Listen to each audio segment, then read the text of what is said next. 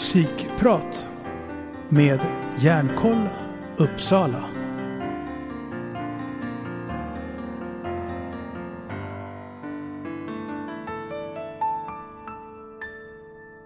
Välkommen till Psykprat med Järnkoll Uppsala län.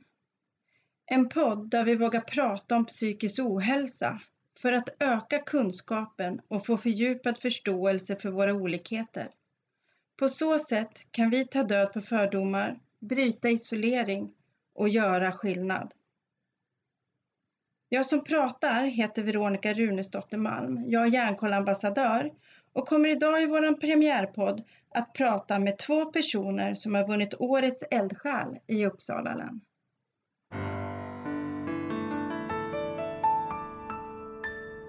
Hej och välkommen Jill C. Faulkner! Tack så mycket, roligt att vara med. Ja, det tycker jag också. Och att du får ju också äran att vara allra först här på vår premiärpodd. Ja, jätteroligt. Mm. Eh, så nu sitter vi här, du och jag, eh, och vi ska prata lite om priset som du har vunnit. Ja, precis. Eh, men först så tänkte jag höra lite, för jag är väldigt nyfiken. Berätta lite om dig själv, Jill. Ja, jag har jobbat med att eh, åka runt och prata om alltså, psykisk ohälsa i största allmänhet och autism i synnerhet sedan 2013 2012, någonstans där började jag. Eh, och har liksom vikt mitt liv åt att ah, berätta om min erfarenhet. Jag eh, växte upp och, och var utåtagerande och det ledde till att jag fick en eh, autismdiagnos väldigt tidigt i livet. Eh, och det är ganska ovanligt, speciellt som tjej. Så jag har fått väldigt mycket hjälp och stöd och jag ville liksom ge tillbaka någonting och det har jag försökt göra sedan jag blev vuxen och jag tycker att det är kul att prata med folk. Jag tycker att det är kul att höra min egen röst. Mm. Så det passar mig väldigt bra att ja, men, ja, stötta andra och, och, och, få berätta och göra något bra av den erfarenheten som jag bär med mig. Eh, och sen någonstans längs med vägen så hittade jag Järnkoll och blev Järnkollambassadör så har jag liksom på olika sätt fördjupat mitt uppdrag kan man väl säga. Mm. Mm. Det var en liten kort berättelse om dig. Wow! Ja. Eh, eh, jag tänkte berätta här att eh, du har ju vunnit det här priset Årets eldsjäl i kategorin arbetslivet. Och varför ja. tror du att du har fått det priset? Eh, ja, det hänger väl ihop med att jag, jag driver dels ett utbildningsföretag men sen så driver jag också ett socialt företag där jag på olika sätt ser till att skapa arbete för människor med eh, alltså autism, ADHD, NPF-diagnoser. Um, ehm, och jag syns väl ganska mycket. Jag använder alla mina kanaler som jag kan för att sprida kunskap och, och se till att stärka målgruppen. Och det, ja, det är liksom det som är min passion här i livet. Men det är kul att det blir uppmärksammat. Ja, eller hur? Mm. Eh, och du fick in eh, några stycken nom nomineringar här. Men jag tänkte faktiskt eh, läsa upp här juryns motivering till varför just du har vunnit det här priset, Årets eldsjäl. Mm. Hon har utsetts till eldsjäl för sitt arbete med att sprida kunskap om autism, Asperger och NPF. Det har hon gjort via sitt företag Adaptis. Hon har också engagerat sig för att skapa bra arbeten för människor med NPF-problematik genom företaget Spektra. Åh, det är så fint. Mm. och det är ju det jag gör, men det, det är konstigt att höra det beskrivet på det sättet. För jag tycker ju bara att jag vaknar varje morgon och går till världens bästa jobb och har världens bästa kollegor. Liksom. Vad härligt att höra att man ja. har ett sånt jobb som man verkligen trivs med att jobba med. Ja. Berätta lite om ditt företag Adaptis och företaget Spektra. Ja, Adaptis är det jag har jobbat med längst och det är utbildningsföretaget och eh, där har jag jobbat tillsammans med min kollega Billy i väldigt många år. Vi är som, som två par hästar, vi syns sällan utan varandra. Eh, men efter några år så kom vi fram till att vi ville göra mer. Vi ville inte bara åka runt och, och utbilda och så, utan vi ville använda allt det vi hade lärt oss, allt vi hade hört och allting till att försöka göra mer och att fler skulle få göra den resan från, från utanförskap och ja, men det här väldigt isolerade som många personer med NPF upplever och det här att man kanske är duktig på att få jobb men det är svårt att behålla dem. Och, ja, eh, det finns inte så många arbetsplatser som är anpassade tillräckligt väl och sådär. Eh, och vi ville göra någonting mer av det så då föddes idén om att starta ett företag tillsammans och då fanns det fler människor runt oss som vi ville jobba med och som hade kompetenser vi behövde. Och det tog ganska lång tid. Det tog nog närmare ett år att landa i vilken form det skulle vara och hur det skulle se ut och ja, men stadgar och hur styrelsen skulle sitta ihop. För ett socialt företag är ju eh, ett företagande där man liksom alla bestämmer tillsammans och alla är med på ett annat sätt än i ett traditionellt företag. så det var lite bökigt eh, och en del människor som hoppade av längs med vägen och en del som tillkom och sådär. Men till slut eh, 2018 så körde vi igång butik Spektra som då ligger i, i Örbyhus, en liten bit norr om Uppsala. Eh, och då var det först bara en liten butik. Vi tänkte så här, ja vi ska sälja lite böcker och vi ska sälja lite hjälpmedel och ja, sådär. Men sen så har det liksom växt, det vill säga när vi ändå hade en butik då kunde vi lika gärna expandera till att ta in fler människor och utöka och starta produktion av hjälpmedel och när vi ändå hade produktion av hjälpmedel då kunde vi lika gärna börja designa egna hjälpmedel. Eh, och när vi ändå hade det här då kunde vi lika gärna starta upp ett café och då kunde vi lika gärna starta upp, ja men det blev liksom mer och mer och mer och mer. Så idag är Spektra en, en väldigt bred verksamhet där vi gör väldigt mycket saker. Eh, och vi har om det är nio, åtta eller nio anställda nu. Vi har flera stycken som har blivit anställda och håller på att bli anställda så jag vet inte exakt hur många vi är men vi närmar oss att vara ett medelstort företag istället för att vara ett litet företag. Så det är, det är jätte, jätteroligt. Wow, säger jag bara. Ja. Men det har tagit sig sin tid att bygga upp det.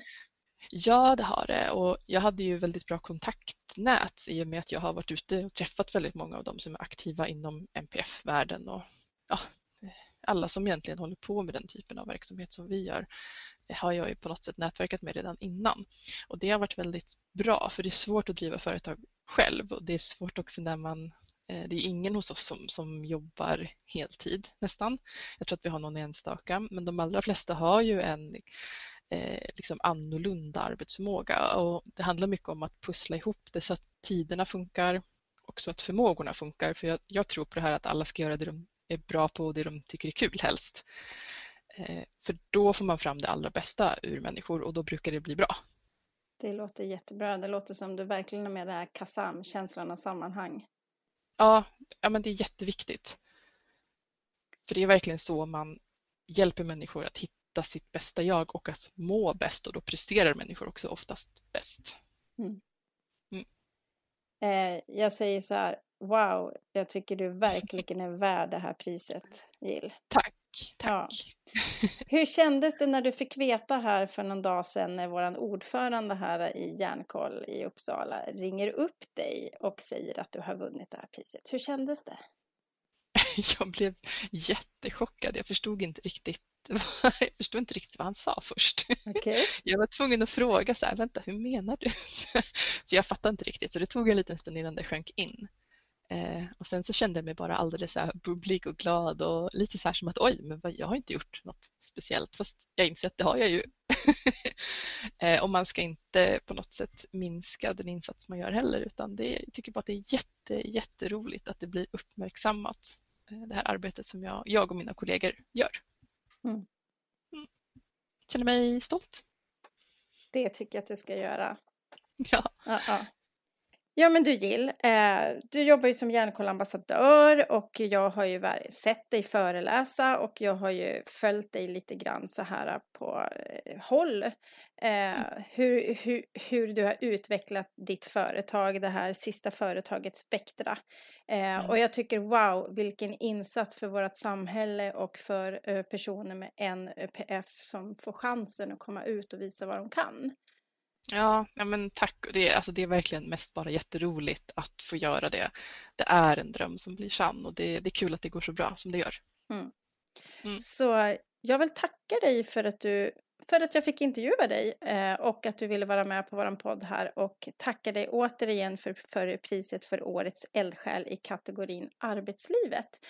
Eh, och så önskar jag dig lycka till här i framtiden med eh, dina kanske pågående nya utmaningar och idéer.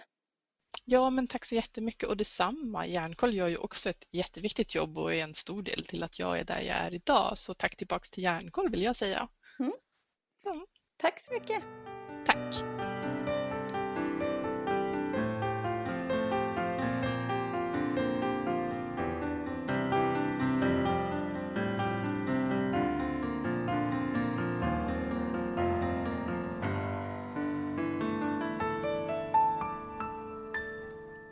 Hej och välkommen Beatrice Olsson Råksotte. Är det så man uttalar det? Raksoti. Raksoti. Okej. Okay. Var kommer det ifrån? Eh, det är thailändskt. Det är thailand. Eh, ja, min, min man är, är halvthai så det är thailändskt. Okej. Okay. Men jag har mm. också förstått att du även kallas för Bea. Ja, det gör jag. Det stämmer. Mm. Bea är, är det vanligaste. Beatrice är mer eh, lite formellt och när jag var liten så var det mer när mina föräldrar var kanske lite arga på mig men jag går under namnet Bea för det mesta. Bra, då har jag mm. förstått det också. Eh, du får ju ära nu att vara med här i vår premiärpodd och eh, jag samt våra lyssnare, vi kommer att få äran också att lära känna dig lite bättre under det här samtalet. Yes! Bea, du är ju mm. med idag för att du har vunnit ett pris. Mm. Men innan vi pratar om det så vill jag veta lite mer om dig. Kan du berätta lite om dig själv? Absolut. Eh, Bea heter jag. Jag är 30, oh, gud fick jag tänka, 33 är jag. Jag är inte 32 längre, det kan jag inte säga. Jag är 33 år gammal, eh, bor i lilla staden Enköping, fantastisk stad. Jobbar heltid um, med, och bor med min man och lever livet här i Enköping. Tränar mycket och sådär. Sen på fritiden så försöker jag även vara väldigt aktiv när det gäller OCD.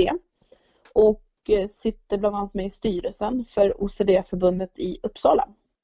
Ehm, och det här är ju något som har hänt de senaste åren, att jag har varit så här aktiv och driven och är ute och föreläser och är med på lite olika ställen för att för, för många år sedan så var jag väldigt, väldigt sjuk i just OCD.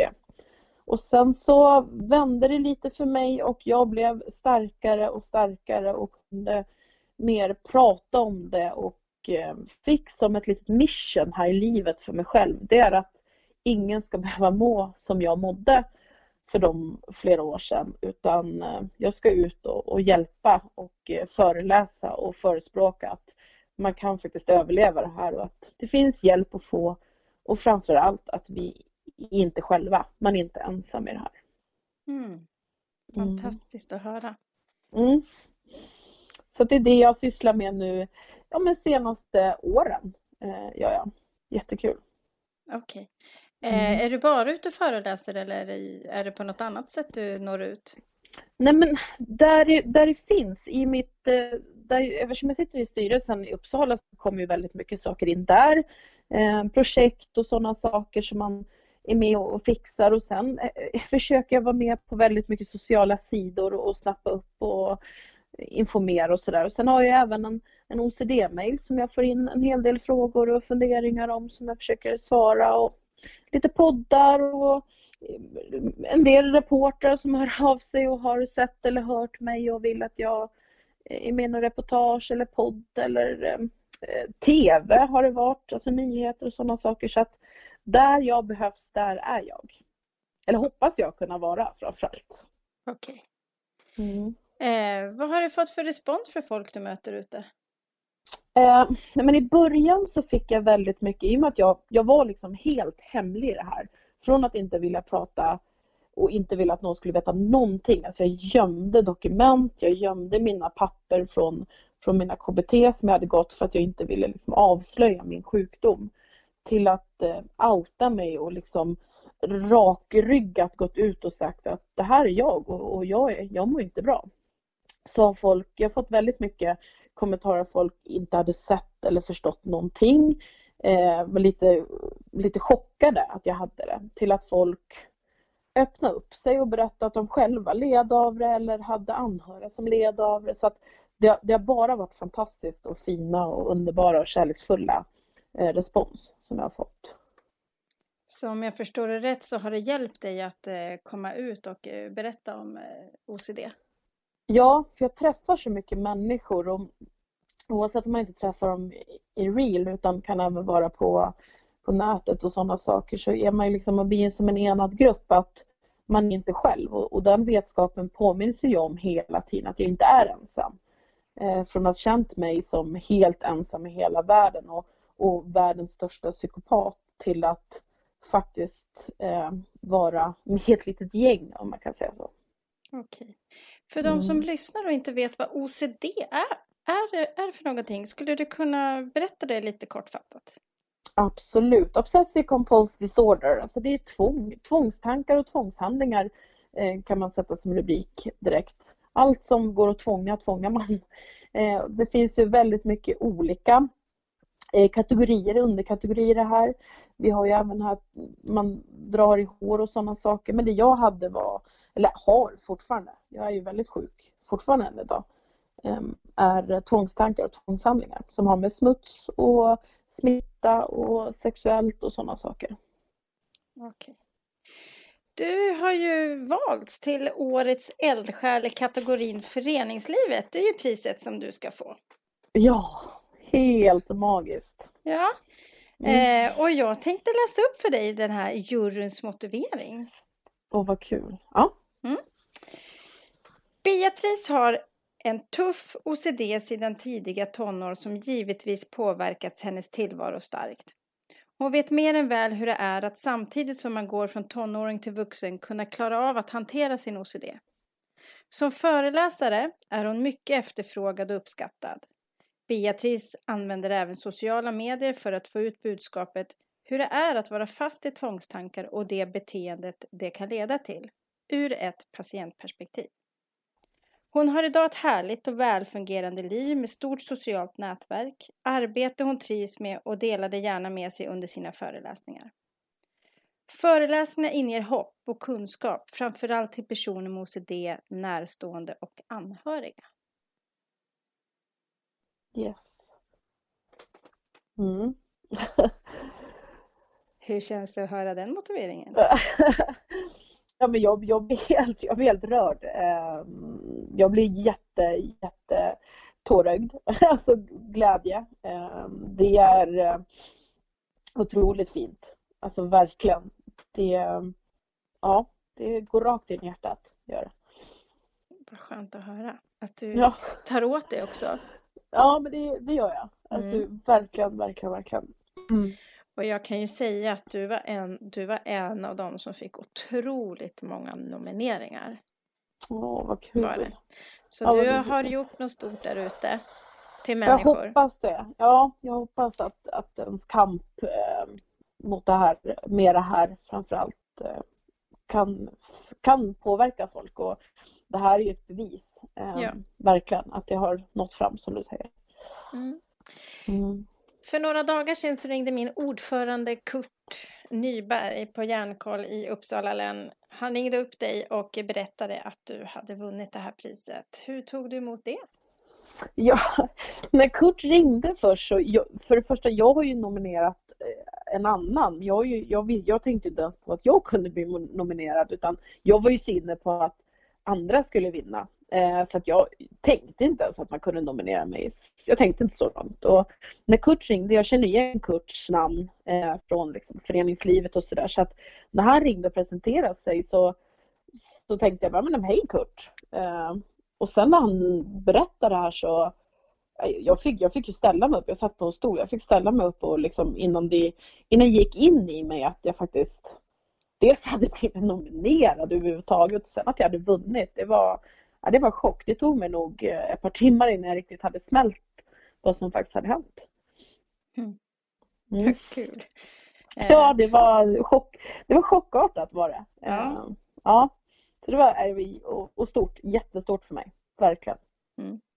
Idag mm. när det här avsnittet kommer att sändas så vad heter det, kommer du nog få höra lite mer respons tror jag runt om. Ja, ja men ja, jag tror det. Och det här är ju bara, liksom, det här är bara en jättefin grej. Det, det, är, helt, det är helt magiskt. Ähm, är det. Att folk har uppmärksammat det och uppmärksammat mig framförallt. Mm. Mm. Har du slutat gråta nu? Eh, jag, jag, håller inne, jag håller inne tårarna. Ja. Jag, jag försöker stålsätta mig liksom. För det är, ja, det, ja det, jag, är, jag är ganska blödig men inte jätte. Men eh, sånt här eh, berör mig så mycket för att det har varit, det har varit såna fruktansvärda tårar som har varit som inte har varit bra. Eh, och nu har liksom tårarna vänt och är så himla fina istället i samband med OCD. Och det är, det, det är, en, det är jätte, jättetufft är det, och jättekul och jättebra. Mm. Så det är glädjetårar rakt igenom. Ja, du har ju verkligen berört många människor för det har man sett här på de olika nomi, nom, nomineringarnas texter som de har skickat mm. Eh, så att jag kan tänka mig hur det känns. Ja. Eh, innan jag avslutar den här intervjun så tänkte jag höra med dig om du har någonting som du vill förmedla vidare ut till någon som inte har berättat eller som eh, mest håller sig hemma och kanske inte tar sig ut. Har, har du någonting som du kan förmedla vidare till dem? Ja, um, i de här tiderna just med, med pandemin, med covid, så är det ännu jobbigare för, för många av oss är ju kanske hemmasittare för att vi inte vill utsätta oss för saker. Och det blir ännu tuffare nu men mycket, vi, man jobbar ju runt om i, i landet och världen framförallt det här med att kunna ha på nätet sammanträffar och informationer och filmer och föreläsningar och så. Så att försöka hålla koll på alla de här sidorna som går. Och jag vill ju verkligen promota OCD-förbundet och gå med där så att man får tillgång till allt som sker. Ehm, föreläsningarna vi har på nätverket och sådär. Även ny hjärnkoll. Ehm, och sen som, som drabbad eller som anhörig så vill jag också verkligen, verkligen, verkligen, verkligen slå ett slag i att man är inte ensam och det finns hjälp att få. Ehm, och man kan sitta så här många år efter som jag gör och liksom, ha en helt annan syn på livet. Ehm, men det är inte en dans på rosor, det går inte fort och det är inte enkelt men, men det kommer gå och man är inte ensam. Mm. Mm. Vad fint. Eh, då tackar jag dig Beatrice för den här intervjun, och, eller Bia rättare sagt. Och, ja. Eh, och att hoppas att ni som lyssnar som behöver hjälp också eh, vågar be om hjälp. För att yeah. precis som du säger, det finns hjälp att få. Mm. Absolut, det finns det. Tack så mycket Beatrice och Tack jag snälla. önskar dig lycka till här i framtiden. Jag misstänker att vi absolut kommer att kunna ses och höras igen på en podd framöver då vi kanske går in lite djupare kring just OCD. Absolut, det hoppas jag verkligen. Ja. Tack så mycket. Tack, tack.